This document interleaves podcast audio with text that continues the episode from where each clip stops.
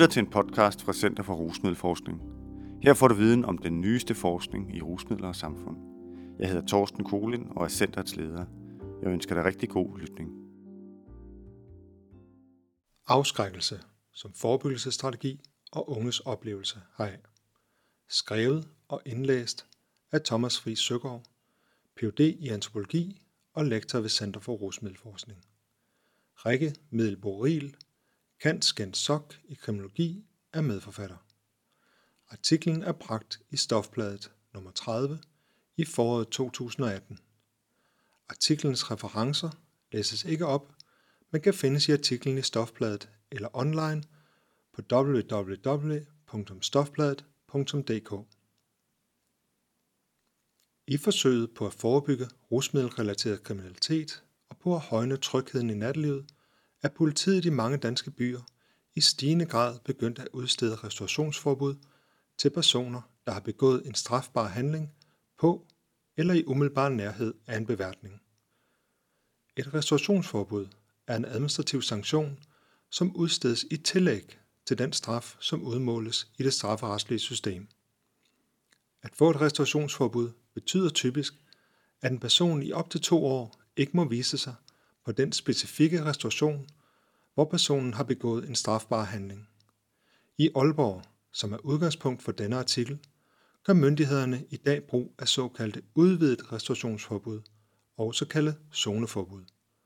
Det betyder, at personer, der får et restaurationsforbud i og omkring Jomfru Anegade, ikke blot har forbud mod at frekventere den beværtning, hvor de har begået en strafbar handling, men faktisk har forbud mod at komme på hele 44 beværtninger i to år. En af grundene til, at myndighederne i Danmark og andre vestlige lande i stigende grad gør brug af restaurationsforbud, er, at disse hævdes at have en stor afskrækkende og kriminalpræventiv effekt på unges adfærd i nattelivet. Man antager, at det vil have en positiv effekt på unges adfærd, hvis de frygter at blive frataget muligheden for at feste på deres foretrukne beværtninger. Politiets øgede brug af restaurationsforbud repræsenterer et skifte i måden nattelivet reguleres på. Tidligere blev borgernes problematiske adfærd i nattelivet ofte forsøgt reguleret gennem strukturelle foranstaltninger, såsom afgifter på alkohol og restriktive bevillingslove, som satte begrænsninger på antallet af beværtninger og på deres åbningstider. Brugen af restaurationsforbud repræsenterer som modsætning hertil en mere individualiseret kontrolform, der er rettet mod den enkelte uansvarlige forbruger, og forbuddet bygger på en forebyggelseslogik, som hævder, at nattelivsbrugeren er en rationel aktør, der gennem trusler om og oplevelsen af udelukkelse kan guides til at træffe fornuftige valg. De senere års skifte i retning af mere individualiseret forebyggelsestiltag, der virker gennem afskrækkelse og sanktion, har betydet, at et voksende antal unge i dag oplever at være ekskluderet fra hele nattelivsområder i længere perioder. Dette har skabt et behov for bedre forståelse af, hvordan unge oplever og forholder sig til det at få et restaurationsforbud i nattelivet. I denne artikel anvender vi interviews med 10 forbudsdømte unge fra Aalborg, samt data fra politiets database, Polsas, til at give et indblik i, hvordan unge rent faktisk forholder sig til det at få et forbud fra et helt natlivsdistrikt. Målet er at give en bedre forståelse af udvidet restaurationsforbuds kriminalpræventive effekter og deres til tider utilsigtede negative effekter i unges liv og risikoadfærd. Restaurationsforbud og de forbudsdømtes tavsestemme. I Danmark udstedes forbud efter restaurationslovens paragraf 31 stykke 2 af politiet. Forbudene udstedes ofte til personer, der har begået vold, eller som er blevet taget med et våben, eller for at være i besiddelse af illegale rusmidler til eget brug eller videresalg. Både i Danmark og i andre vestlige lande er politiets øgede brug af restaurationsforbud bemærkelsesværdig. Set i lyset af, at der kun findes meget sparsom videnskabelig dokumentation for den kriminalpræventive og tryghedsskabende effekt. Der er dog flere grunde til, at myndighederne er begyndt at gøre øget brug af restaurationsforbud, til trods for den manglende dokumenterede effekt. En af disse er, at forbudene ofte bliver set som et godt alternativ til mere strukturelle restriktive tiltag. I forsøget på at brande sig selv som oplevelses- og forbrugscentre af danske byer i de senere år begyndt at kappes om at tilrettelægge optimale rammer for en sprudlende og attraktiv nattelivsøkonomi, bestående af natklubber, barer og værtshuse. Dette for eksempel ved at liberalisere lokale restaurationsplaner, ved at tillade flere beværtninger og udvidet åbningstider. Den neoliberale forbrugs- og vækstkontekst betyder samtidig, at danske myndigheder ofte er tilbageholdende med at fremme forebyggelse og tryghed i natlivet via indførelsen af repressive regler og begrænsninger rettet mod alkoholudbyderne. Når myndighederne konfronteres med befolkningens krav om, at noget må gøres for at højne trygheden i nattelivet, er de i stedet mere tilbøjelige til at bifalde brugen af kontrol- og sanktionstiltag, som retter sig mod de enkelte individer, der ikke formår at forvalte deres frie forbrugsvalg på en passende måde. I Danmark har alkoholudbyderne også spillet en central rolle i forhold til at opbygge politisk støtte til politiets brug af restaurationsforbud. Horesta, brancheorganisationen for hotel, restauration og turisterhverv, har således været meget aktiv i medierne, hvor man har argumenteret for, at politiet skal gøre øget brug af udvidet restaurationsforbud. Alkoholudbydernes slåen på tromme for mere effektive måder til at ekskludere den uansvarlige forbruger, har både været drevet af et ønske om at højne trygheden i natlivet, men har samtidig tjent til formål at fjerne myndighedernes fokus fra mulige lovgivningsbaserede tiltag, som kunne bruges til at øge trygheden i natlivet ved at sætte begrænsninger for beværtningerne og udbuddet af alkohol. I Danmark inkluderes forbudsdømtes individers stemme sjældent i den offentlige debat om forbudspolitikker i natlivet. Dette skyldes, at disse ofte anses som afvigere og slemme personer, hvis stemme ikke fortjener at blive hørt. Der kan dog være god ræson i at prøve at undersøge, hvordan unge oplever og forholder sig til det at få et restaurationsforbud. Ikke fordi en sådan viden kan bruges direkte til at teste, om restaurationsforbud faktisk reducerer kriminalitet og uorden i nattelivet, men fordi dette kan kaste lys over, om de politiske målsætninger, som bruges til at retfærdiggøre brugen af restaurationsforbud, også opnås. I det følgende viser vi, hvordan unge på meget forskellige måder oplever og forholder sig til det at have et udvidet restaurationsforbud. Eksemplesmagt, men et eksempel på hvad? Fra starten af 2011 til midten af 2015 udstedte politiet i Aalborg udvidet restaurationsforbud til 388 personer. Mere end to tredjedel af disse blev givet på baggrund af overtrædelser af lov om euforiserende stoffer. Langt størstedelen af disse forbud blev udstedt på baggrund af, at en person var blevet taget i besiddelse af meget små mængder illegale rusmidler til eget forbrug. I Aalborg har politiet ofte retfærdiggjort brugen af udvidet restaurationsforbud med udsagn om, at unges oplevelse af at være ekskluderet fra nattelivet vil have en positiv effekt på deres fremtidige adfærd. I tråd med dette fortalte en af vores informanter med navn kendt det følgende. Jeg fortryder det selvfølgelig. Jeg kunne aldrig finde på at tage stoffer med i byen igen. Det gør jeg ikke. Jeg har lært af min straf. Jeg synes, man godt kunne nøjes med et år eller et halvt år.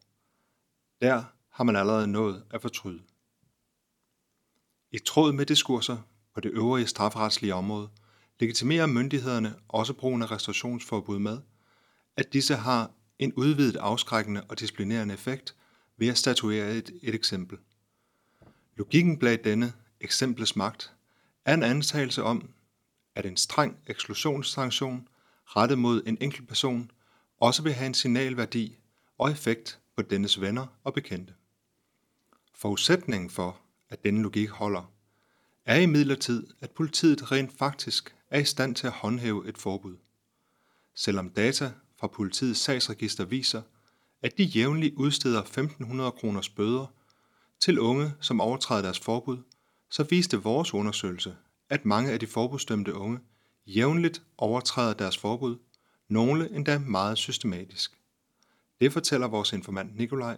Han siger, Jeg var i byen weekenden efter jeg fik forbuddet. Der var ingenting. En måneds tid efter mødte jeg tre betjente. En af dem var ham, der havde taget mig. Jeg var lige ved at gå ind i ham. Han kunne ikke kende mig. Ja, så jeg går bare i byen, som jeg har lyst til. Jeg skænker næsten ikke forbuddet en tanke, når jeg går i byen. I Aalborg skal politiet hver weekend forsøge at holde styr på flere hundrede forbudsdømte ikke overtræde deres toårige forbud i et natteliv, som frekventeres af mange tusind andre gæster. Mens politiet synes at have relativt godt styr på, at personer, som allerede er kendt af politiet, ikke overtræder deres forbud, så er det tæt på umuligt for den systematisk at håndhæve forbuddet, når det kommer til forbudsdømte, der ellers ikke er kendt af politiet. Resultatet er ikke blot en meget ulige håndhævelse af forbuddet, men det betyder samtidig en erodering af tesen om, at forbudene har en udvidet præventiv effekt gennem statueringen af et eksempel, da en del unge også vil begynde at dele historier og erfaringer af, at forbuddet reelt set ikke har en konsekvens. Eller som Nikolaj udtrykte det, jeg går bare i byen, som jeg har lyst. Når nogle unge vælger at overtræde deres forbud, handler det dog ikke blot om, at de tænker, at risikoen for at blive taget er lille. Nogle vælger også at overtræde forbuddet, fordi de finder, at et toårigt forbud fra 44 restaurationer er en helt urimelig lang tillægsstraf for eksempelvis at være blevet taget i besiddelse af illegale rusmidler til ejerforbrug. En forseelse, som i det strafferetslige system typisk udløser en bøde på 3.000 kroner. Det fortæller vores informant Troels, som siger, Jeg synes bare to år virker håbløst. Det er ikke engang skræmmende, det er bare håbløst. Så kan man lige så godt bare sige, fuck det, tænker jeg. Forbudets utilsigtede negative effekter. Mens danske politikere og politiet ofte har været optaget af, at brugen af restaurationsforbud potentielt set har kriminalpræventive og tryghedsskabende effekter, så interesserer myndighederne sig sjældent for, hvordan det at være underlagt et udvidet restaurationsforbud i nogle tilfælde også kan forstærke unges risikoadfærd. Studier har vist, at det at gå ud med vennerne i nattelivet spiller en meget vigtig rolle i danske unges sociale liv. Vores undersøgelse viste da også, at for nogle af de unge, som valgte at overholde deres forbud, var dette ofte forbundet med oplevelsen af at miste venner og blive socialt marginaliseret.